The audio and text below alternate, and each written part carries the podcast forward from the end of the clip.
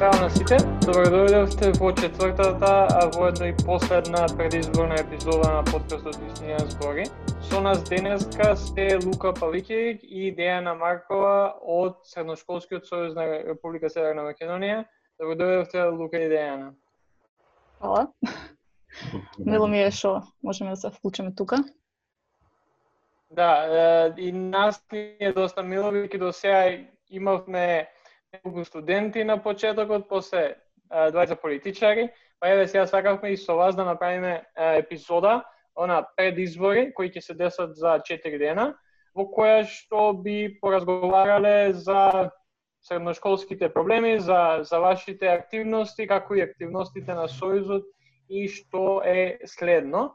Но пред да започнеме со тоа, би сакала да поканам да се представите, чисто за, за оние кои не слушаат сега, а не ве знаат.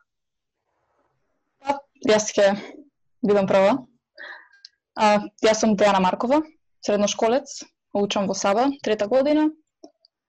И момент, мислам, сега завршив трета. А, моментално сум а, координатор на амбасадори во Унијата и амбасадор во Штип. Во ред, јас сум Лука Павикевик, средношколец по гимназија Нова. А, сега завршив прва година, така што ќе бидам втора од август. А, исто така, како член и активист на Сојузот, сум а, советник на председателот и член на извршниот одбор. Супер. А, дали, ајде ај прво да започнеме вака. Што, а, што треба да се реформира кај нас во средното образование и каков, каков е односот на власта спрема а, учениците и младите кои, кои се дел од образованието? Па, ќе почнам со првото прашање. Как, што треба да се реформира во образовниот систем.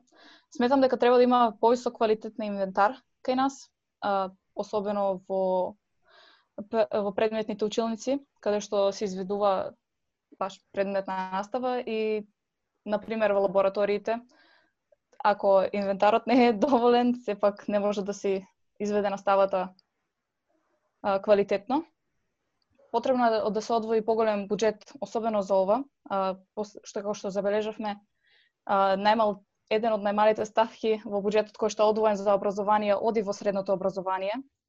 А, исто така во во квалитетен инвентар се смета и а, учебниците.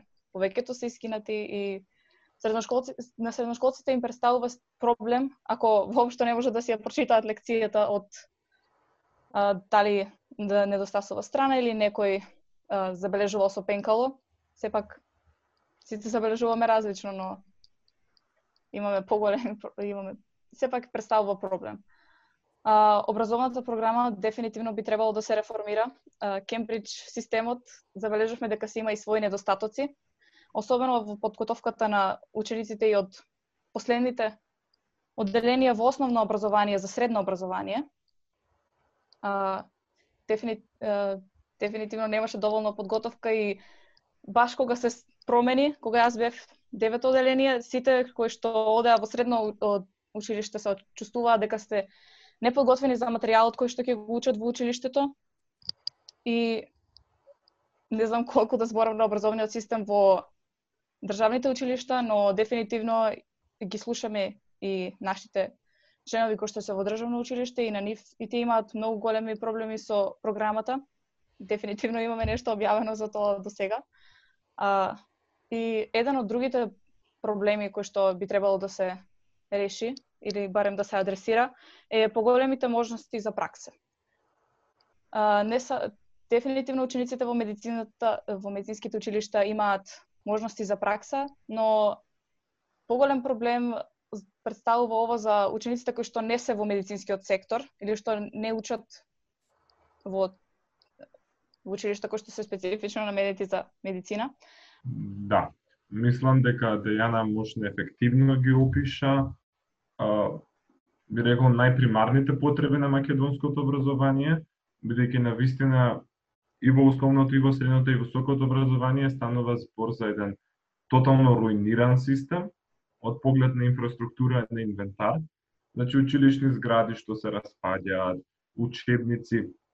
Иако мерката за бесплатни учебници беше доста добра мерка, бидејќи му возможува на сите ученици да имаат пристап до бесплатни учебници и така да имаат бесплатно образование, сепак тие бесплатни учебници не само што се бесплатни, туку се и безвредни. Бидејќи се многу лошо зачувани копии, а и во Скопје, но и во другите градови на Северна Македонија, забележуваме појава да има и огромен недостаток на учебници. А, така што се случува а, ученици со генерации, што а, ученици со генерации да поминуваат низ образовните институции да немаат пристап до учебник по некои предмети.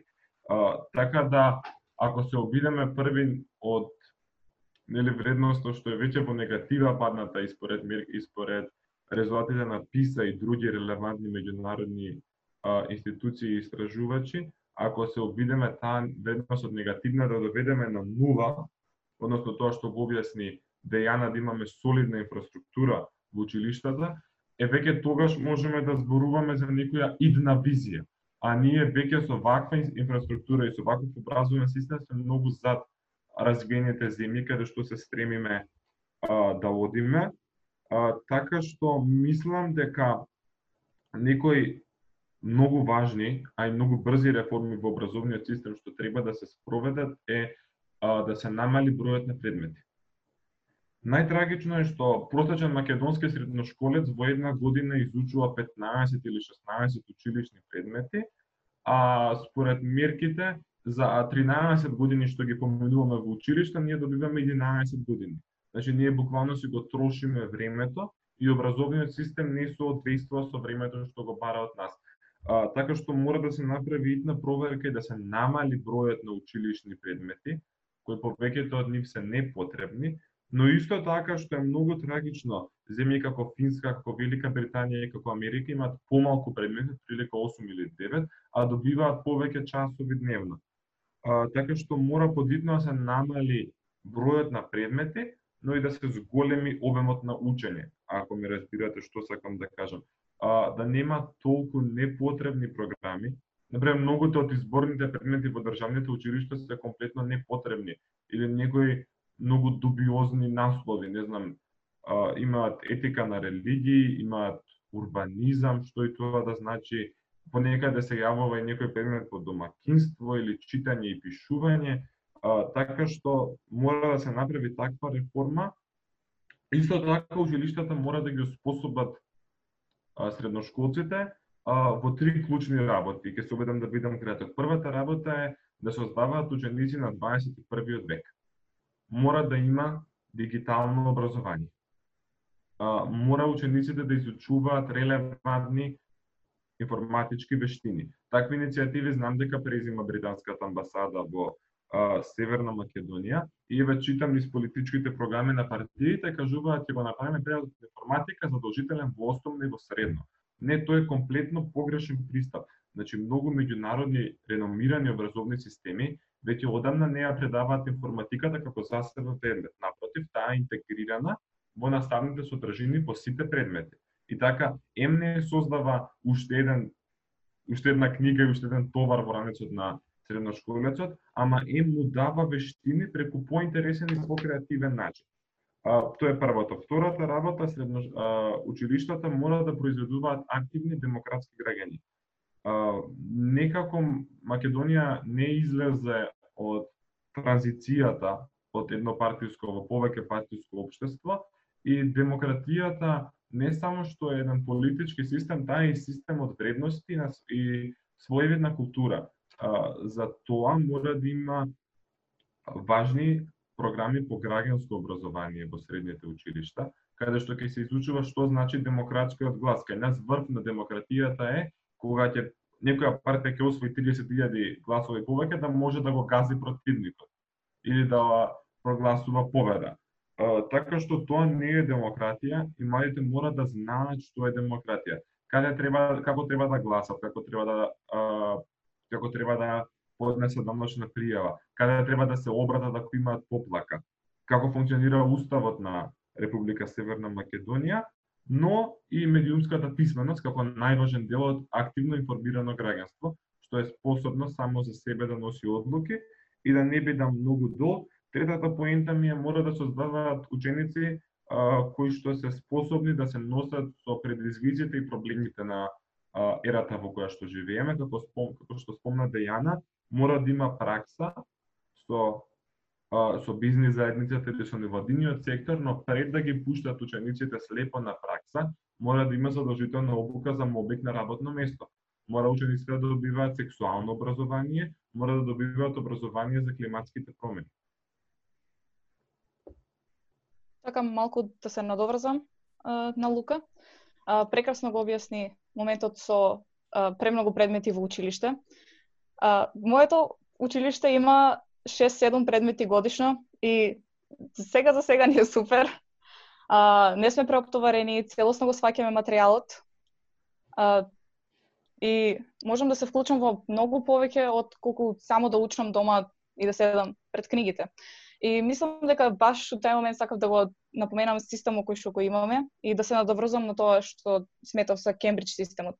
Беше пре broad, преопшто беше за да може да се подготви еден ученик и да се да се чувствуваш дека имаш научено доволно од тој предмет, од она што те тебе интересира, за да продолжиш натаму во животот. Ако се учи на премногу општо, се чувствуваш како да си насекаде и да не можеш не се чувствуваш како да си насочен кон нешто. Да, еве, Дејана, тоа што го спомна со принципот на помалку предмети, а повеќе настава, настрана на квалитативниот пристап, како одиме на квантитативно, а, јас во прва година во Нова учам само биологија од природните науки.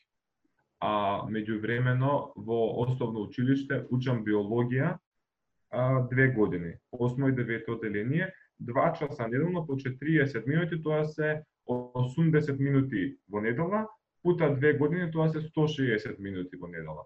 А една година 4 часа од по 50 минути се 200 минути во недела. Така дури во една година го се изучува еден предмет може да се научи повеќе и да се има повеќе минути инструкција, отколку исто да се развлекува по две или по три години. Може би, може би овде е добро да се помине на, на темата за средношколско организирање, што барем кај нас се еден посебен феномен затоа што обично организирањето на млади се поистоветува со средношколското организирање, мислам со универзитетското организирање со студентите, бидејќи нормално тие се а, тие се нели дел на академска заедница а, и се и се на одредена возраст кој што се очекува нив да бидат активни граѓани чинители во во политичката сфера. Но но што е што е тоа што Сојузот го прави за за афирмирање на на еден нов модул на средношколско организирање?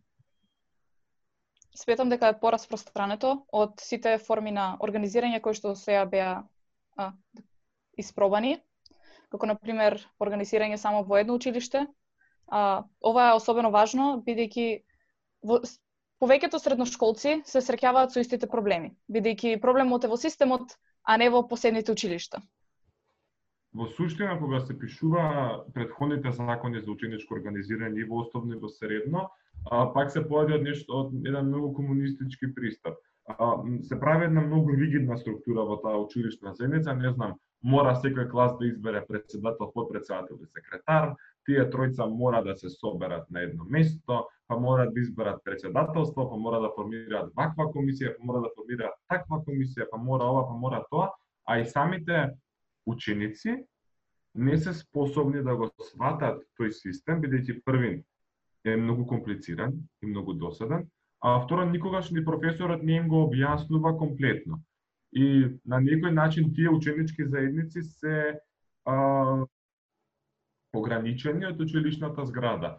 А, додека Сојузот има нов демократски пристап, каде што ученикот секој град може да се зачини во Сојузот, се формира локална, се формира локален огранок, а Сојузот на централно ниво а, действува многу а, едноставно со тоа што има генерално собрание, извршено одбори, работни групи во потреба.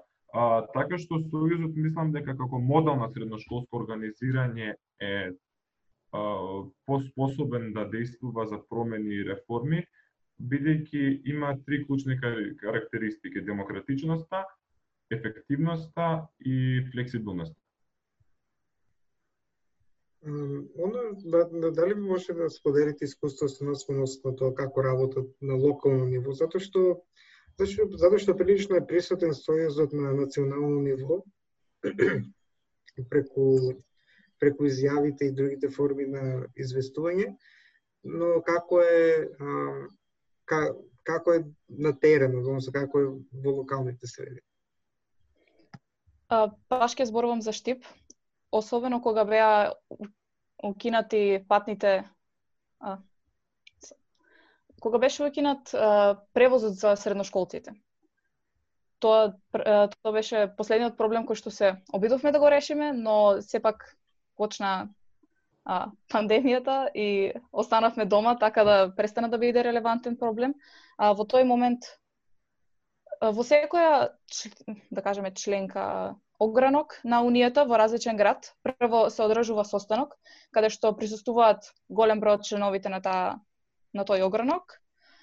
А, таму се разговара, разговара за релевантни проблеми, некој нешто што ги мачи учени средношколците. А, во овој случај, проблем кој што највеќе се истакна беше случајот со со превозот, бидејќи многу ученици учат кои што доаѓаат надвор од градот, учат во Штип, И Унијата се обиде да превземе нешто преку документите кои што се поврзани, контактираше повеќе стати коронавирусот. А, сепак можеме да се каже, може да се каже дека јас сум доста нов член а, на Унијата. А, во Унијата сум околу 6 до 10 месеци, не тука некаде беше, малку е blurry. А, сепак како амбасадор сум веќе 6 месеци и тој дел е повеќе зафатен со корона кризата што ја имаме во моментот, па немам некој Та, Сојузот е доста активен на национално ниво, односно на централно ниво, а не поради некоја негова желба, туку напротив, бидејќи работата од грасрутс нивото, од локалните, да ги кажеме ограничи, односно бранши, ни кажува за одредени проблеми на средношколците. секогаш се обидуваме да го слушаме собственото членство. Но, на пример, ако учениците во кавадарци се жалат дека а, немаат лифт во училиштето, тоа е локален проблем и самите може да го решат. Со секако со наша подршка. Но ако учениците во Куманово се жалат дека немаат програми за сексуално образование или имаат многу предмети, Тоа не може да биде решено само во Куманово да има сексуално образование, туку напротив, тоа станува национален проблем. И кога веќе преку долга, долговременска соработка и слушање на средношколците, може да се забележат некои заеднички проблеми, тогаш е многу полесно за Сојузот да на национално ниво и така да ги реши прашањата. А, така што мислам дека како форма на средношколско организирање пак се фокусираме на bottom to top а, пристапот отколку top to bottom. Сепак сметам дека и ова е, се случува поради тој притисок кој го имаме од системот. А, сепак, повеќето од проблемите не се во специфичните училишни згради. Повеќето од проблемите доаѓаат од, да кажеме, top to bottom, од законите, законите, начинот на кој што нешто да се одвиваат на широко ниво, и затоа повеќе функционираме на тој начин. Да, ја, јас овде би се надовезал на нешто што а, Лука мислам дека ти го спомна, а, тоа а, Тоа би било колку а, средношколците уствари се активни. А, спомна дека средношколците треба да и младите, но и средношколците треба да бидат запознаени со, со она што се случува во државата, со познавањето на законите, на уставите и на редови работи, но колку тоа еве, вие како некои кои а, сте доста активни и а, учествувате во, во формирање на некои нови политики, на нова нова средношколско движење, колку вие гледате дека или да, колку средношколците всушност се активни на терен? Малку работат за многу. Тоа е веројатно најефективната сумација. мислам да не зборуваме вака нели чисто теоретски има и емпириски податоци што кажуваат дека 80% од младите никогаш не волонтирале или никогаш не биле на некој доброволен настан. Така што да навистина станува збор за една многу мала група на средношколци и нели многу станува смешно кога се гледате цело време истите истите. Но така што иако групата на активни средношколци е мала, мислам дека колку што може доволно допринесува во обид, во обидот за решавање на системските проблеми, но степа како едни солидни добри примери за заедницата, мислам дека и тие малку средношколци кои што се активни можат да ги инспирираат средношколците околу себе и оние да станат поактивни граѓани, луѓе и чинители. Мислам дека главен демотиватор во ова во ова во ова состојба случка во сето ова што се случува со неактивноста кај средношколците е тоа што многу малку гледаме промени, без разлика колку и да се трудиме. Како што Лука напомена, малку работат за многу, но и сепак пак не се гледа тоа што сепак не само што малку работат за многу, туку и тие што малку работат, прем, многу труд внесуваат и не забележуваат скоро забележуваат скоро па никаков возврат од тоа. Сметам дека дури по темпераментните средношколци кои што никогаш не би ги замислиле дека можат да волонтираат или да се вклучат да се вклучат во овие активности, а, можат да станат активисти и можат да добијат нешто од тоа. Дефинитивно да, кога се вклучуваме повеќе и се интегрираме во нашата заедница, се, се чувствуваме по-прифатени од неа, повеќе слушнати. Сепак Тоа зависи од личната мотивација на некој начин. Кај повеќето личната мотивација е дружба, кога се однува спор за средношколци. А, за некој е промена во системот, а, но знаеме колку тоа може и нас да не мотивира, така да се трудиме.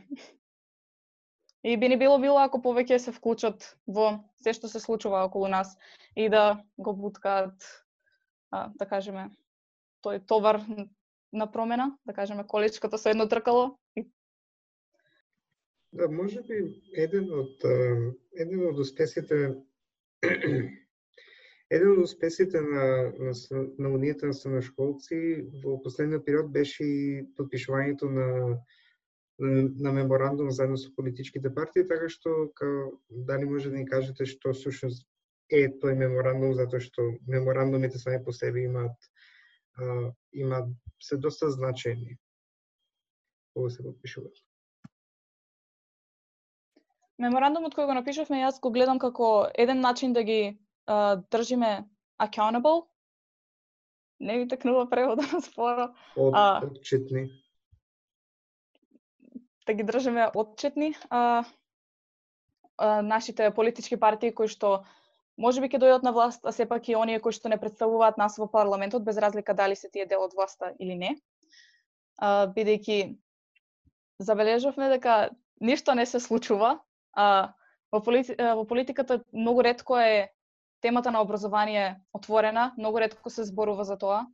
А, без разлика дали нашите политичари се согласуваат дека нашата младина е еднината и дека образованието ги оформува овие мали мозоци и ги тера да пораснат и да се да бидат оформени а, во луѓе кои што ќе бидат корисни во нашата а, во нашата околина, во нашата заедница, иако повеќето од тие оформени мозоци си заминуваат.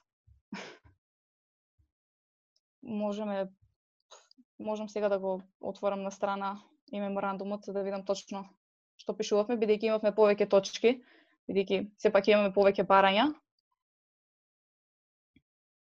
Може и Лука нешто да коментира во тој.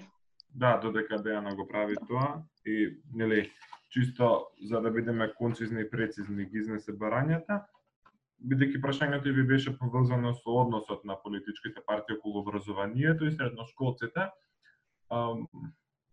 доста иронично ќе доста ироничен ќе биде одговорот, но мислам дека имаме два клучни фактори што играат против нас во овој случај. А, најпрви последните анкети што ги читав кажуваат дека само 1% од да граѓаните го гледаат образованието како приоритетен проблем за кампањата.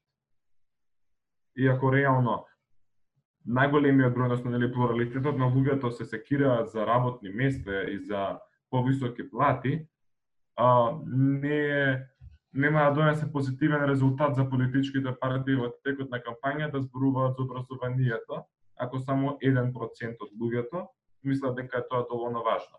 И втората работа, средношколците го немаат правото на глас.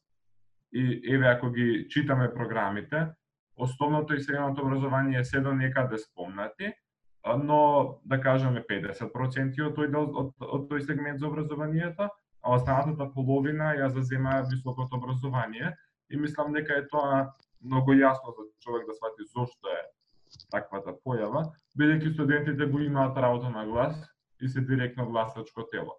Додека мнозинството од средношколците го немаат правото на глас, така што е многу логично за политичките партии дека ќе треба да се фокусираат дека не, не име приоритет да се фокусираат на нивните негласачи, но сепак тоа е едно многу секојдневно размислување, многу политиканско и воопшто не е државно, државничко размислување зашто ќе се случува всушност соединението на државата. А, така да тоа е тоа околу односот на политичките партии врз средношколците. Да, а, каков а, како беше реакцијата од политичките партии кога вие им излеговте со меморандумот и колка беше одзивот нивен, кога беше да се подпише? Па не беше баш а, на некој начин целосно подпишан, бидејќи планиравме повеќе политички партии да се по... представници од политички партии да се појават на настанот, но мислам дека имаме само два подписа или три. Ако се што јас сметам сепак дека не е доволно. Треба политичките партии и нас да не подржат и да знаеме дека сме дека можеме да бидеме представени и дека тие можат да не слушнат. Ова е на некој начин и тие да ни речат да дечки гледаме дека постоите и гледаме дека правите нешто и ние ќе се залагаме за вас. Но многу мал дел, многу мал број го не го покажа тоа на терен. Да, всушност беа поканети само парламентарните партии како значителни нели фактори, а, така што беа поканети коалицијата Можеме, да предводена од СДСМ, ДУИ, ДПА, коалицијата сега е името Алијанса за албанците алтернатива и ВМРО ДПМН, односно коалиција Обнова, и на овој меморандум на се одзиваа само две од политичките партии, тоа беа коалицијата Можеме, предводена од Социјалдемократскиот сојуз и политичката партија ДПА. Останатите три, односно ДУИ, Алијанса Алтернатива и ВМРО ДПМН па не се појавија и не го подпишаа меморандумот. Искрено, меморандумот бара да се коригираат грешките во учебниците, да се промени инфраструктурата во училиштата, да се подобри и да се внимава на хигиената во училиштето, односно да има сапун и течна вода што е на вистина политичките партии треба да се срамат ова да не го подпишуваат во 21 век и дека треба да се срамат од фактот дека ваквите три 19 вековни работи ги спроведуваат сега во 2020 година. А внимавајте има уште такви што уште не, не го ни подпишуваат тоа и не сакаат да се обрзат дека вакви рудиментарни работи не сакаат да спроведат како што знаме, една една од партиите воопшто не се согласуваше ни со една од точките во овој меморандум. И како што гледате, не бараме нешто револуционерно, бараме нешто што би требало што е заштитено со нашите права.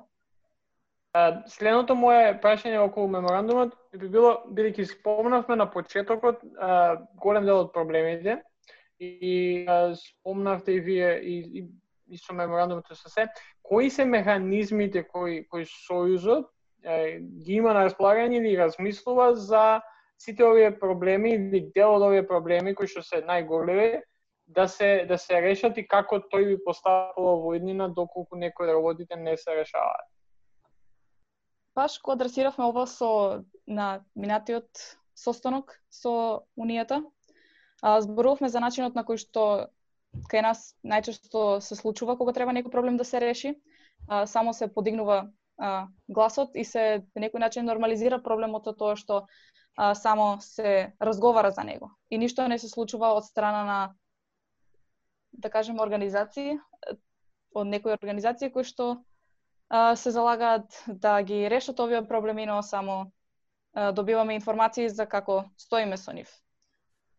Затоа баш поради ова, наскоро ќе подготвуваме баш току, документ на кој што ќе имаме запишано како ние ги реша, како ние имаме акционен план за сите овие теми кои што нас не засегаат, за нашите проблеми и барања. Повеќе ние сакаме да се фокусираме на акција. Ние не ги само споделуваме нашите документи и statements, кои што ги пишуваме, туку ги праќаме и до надлежните институции.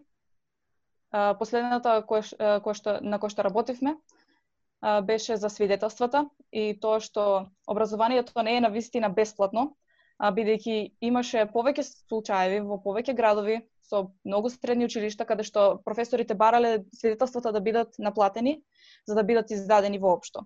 А во законот пишува дека не треба тоа да е така, дека треба да, да ги купува професорот.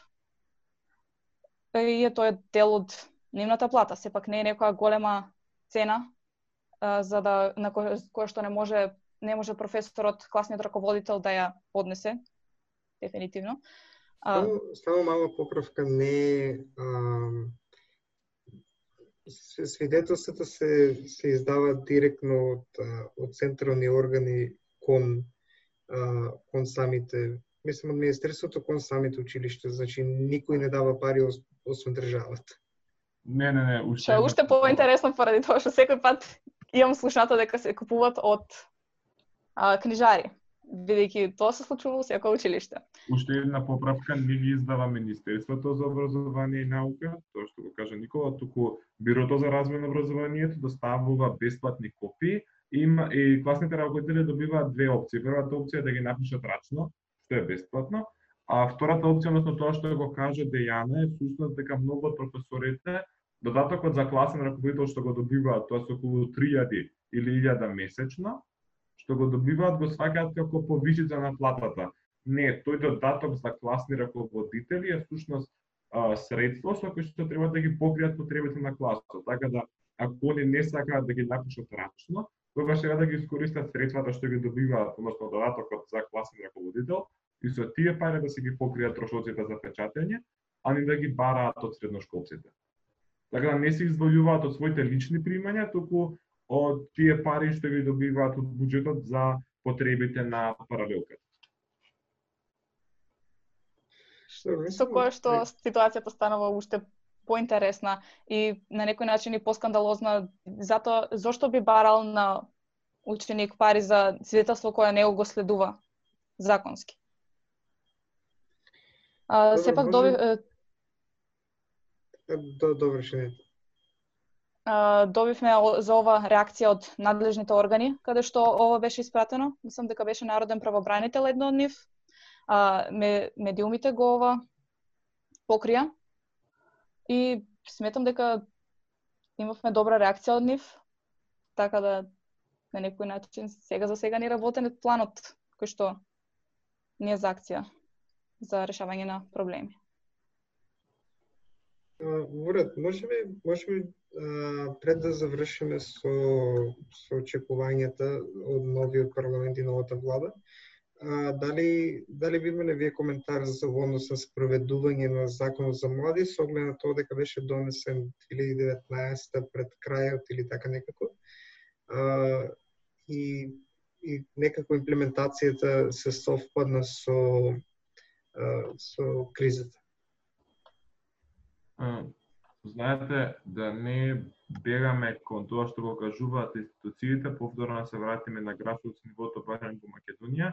Сојузот на средношколци направи еден јавен конкурс за ученици од еден град, не е важно кој е градот, и средношколец со својата апликација за позицијата, нели се ги пишува знаења, да се ги пишува вештините и позициите кажува исто така мене ме избра да бидам член на локалниот владински совет во тој и тој град, но советот не функционира и тоа многу ме изреволтира мене. Нели законот за млади а, подразбира формирање на локални младински совети, а, но гледаме сега дека изгледа не функционира во дадени градови, нели што е веќе долго воспоставена македонска пракса. А, исто така, бидејќи учествував делумно во креирањето на законот и бев дел од консултациите и пред да биде објавен пошироко, стануваше збор исто така дека треба да се формира и коменаджмент тело помеѓу членовите на владата и младинските организации, што е европска пракса и пракса на Советот на Европа, но поради некои чудни причини тоа тело од законот, од нацртот на законот и од предлогот законот беше исфрлен и не се најде таму. Исто така, како Сојуз на средношколци, терминот млади не ми, не ми се допаѓа, но и мене лично, бидејќи станува збор за една хетерогена група, нели 15 до 29 години. Значи може да станува збор за средношколци, за основношколци во некои држави, за студенти, за луѓе што работат, за луѓе што не се во високо образование, за доктори на науки, за магистри, за обични работници, па да некаде и за политичари. Така што мислам дека групата млади е доста хетерогена, но сепак барањето на младите, и тоа гледаме и на кандидатските листи, бидејќи не, нема многу кандидати што се млади, сепак и младите како поширока група не се а, државата не ги смета за значени, а посебно тоа се приметува кај средношколците. Бидејќи како што кажав порано, тие не се гласачко тема, не се електори. Лично чувству, јас чувствував дека некако заглави процесот со законот за млади. А, колку и да е важен, повеќето од младите немаат ни слушнато за тоа, а и оние кои што беа дел од процесот на пишување на законот и дава многу од своите препораки, не добија никаков а, никаква информација назад. Сепак знаеме дека треба ние сами да се информираме, но не би било многу голем проблем да се испрати еден мејл на тие каде знам 200 сигурно не се 200, сигурно се повеќе луѓе кои што се вклучија во овој процес, бидејќи оставивме мејл со тоа што сме заинтересирани за законот и сакаме да сме дел од тоа. Мислам дека и тоа беше еден мал пропуст во да. овој процес. Да, многу е важно да јавните гласила и веб страници на институциите да бидат редовно апдейтирани и да си ја служат улогата, а не да отвориш ти јавно гласило на некоја агенција и последна вест објавена 2009 година.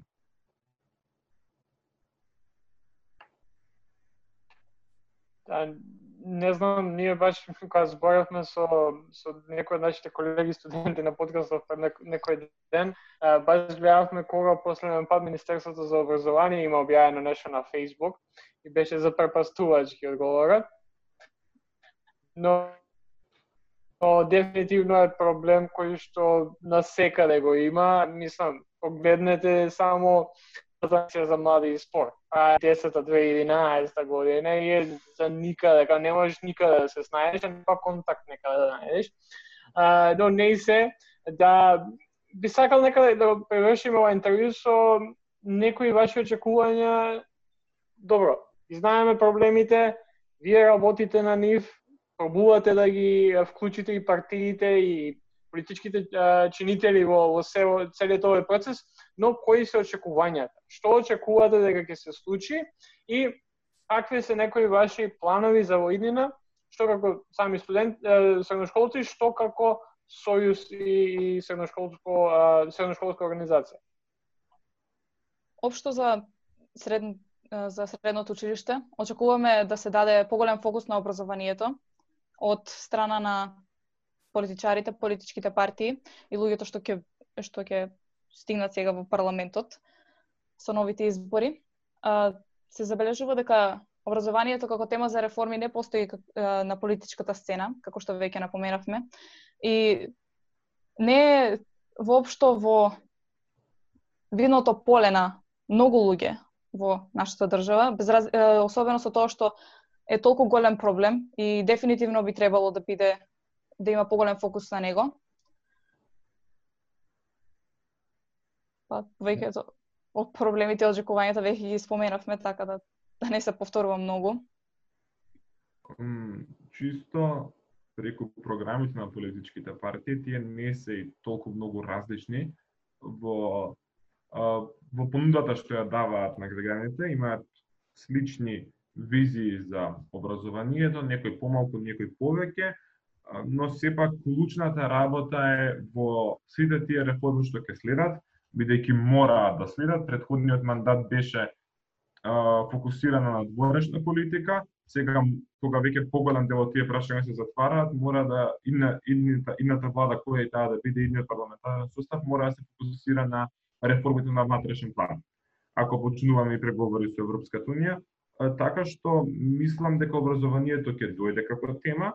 Ние во со цел да можеме да го искористиме цајдгајстот и да успееме нешто да промениме и да капитализираме од овој момент, изработуваме политичка платформа со нашите барања и предлог политики за образованието. И тие предлог политики се многу директни и се многу обширни. Например, кажуваме дека од сегашните 16% од буџетот и 3,7% од БДП-то треба да се издвојуваат 5% од БДП-то за образование. Имаме сето други барања и мерки.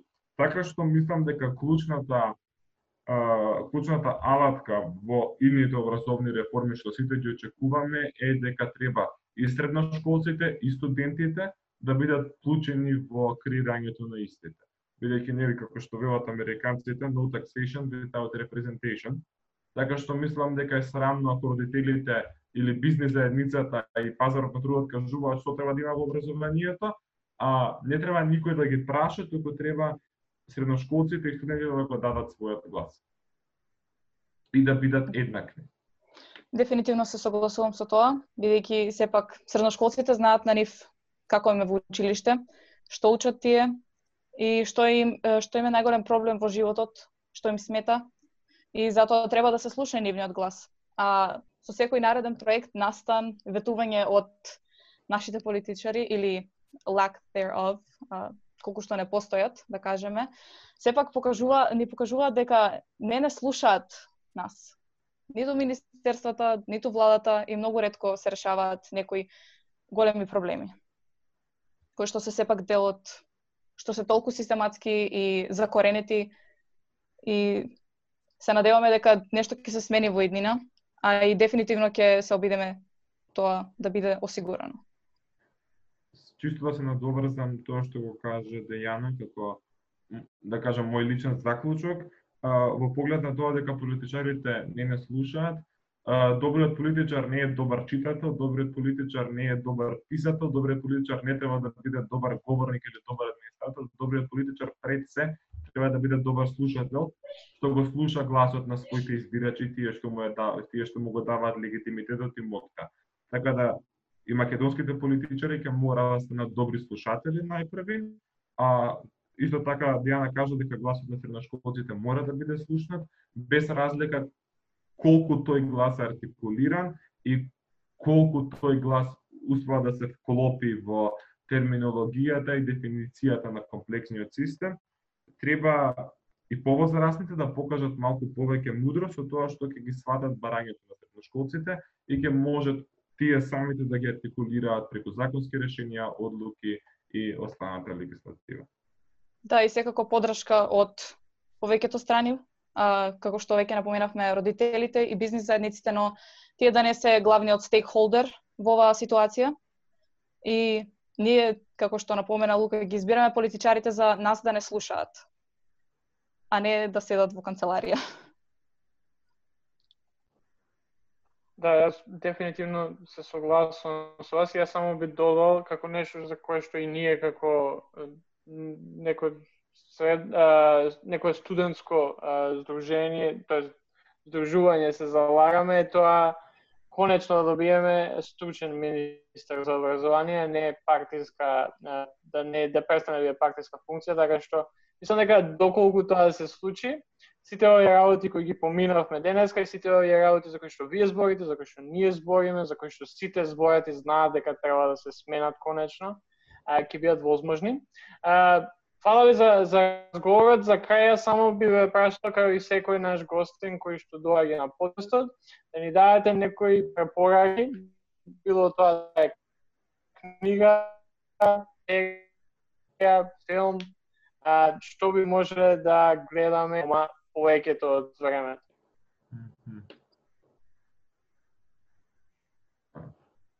Еве, помена првичната паника околу коронавирусот и пандемијата, што беше малку светска, ако приметувате сега малку се смири тие бранувања, но сепак да не излеземе од опасноста што ни стои, нели од танталовиот камен што може да се стркала, е ве препорачуваме, ја препорачав во февруари оваа книга, uh, The Handmaid's Tale од Маргарет Атвуд. Така да мислам дека е онака пред секогаш интересна за читање. И јас се согласувам со тоа. Јас малку повеќе ќе ќе спомнам за мене, која ми е омилена книга и која веќе ја имам препрочитана околу 3-4 пати. А, 1984 дефинитивно класика и треба да се прочита. А, како филм би препорачала а, Pulp Fiction, дефинитивно е добар, и Fight Club.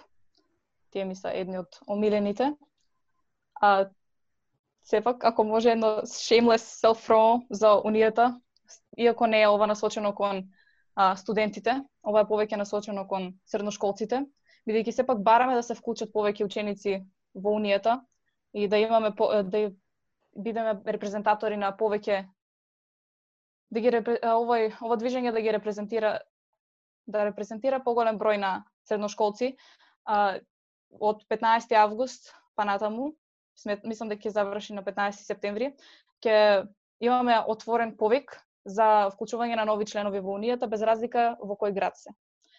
Па, ако некој средношколец слуша, би било убаво да внимава на тоа на нашата Инстаграм страна. Да, фала ви, фала ви уште еднаш за издвоеното време и за е, овие е, 40 минути разговор и за сите теми на кои што успеавме да да зборуваме, се надеваме дека после е, ова е, ситуација која се случува сега поради коронава, ќе може и во живо да направиме нешто е, заедно со Сојузот, така што ќе може уште повеќе да да поразговараме и за е, и да видиме до кај сме стигнале и до кај вие сте стигнале и, и средното образование почнувајќи од сега. Така што останете stay safe и, и ја го завршувам подкастот нече неретко со тоа да не идете у хладилници, што не треба да идете у хладилници.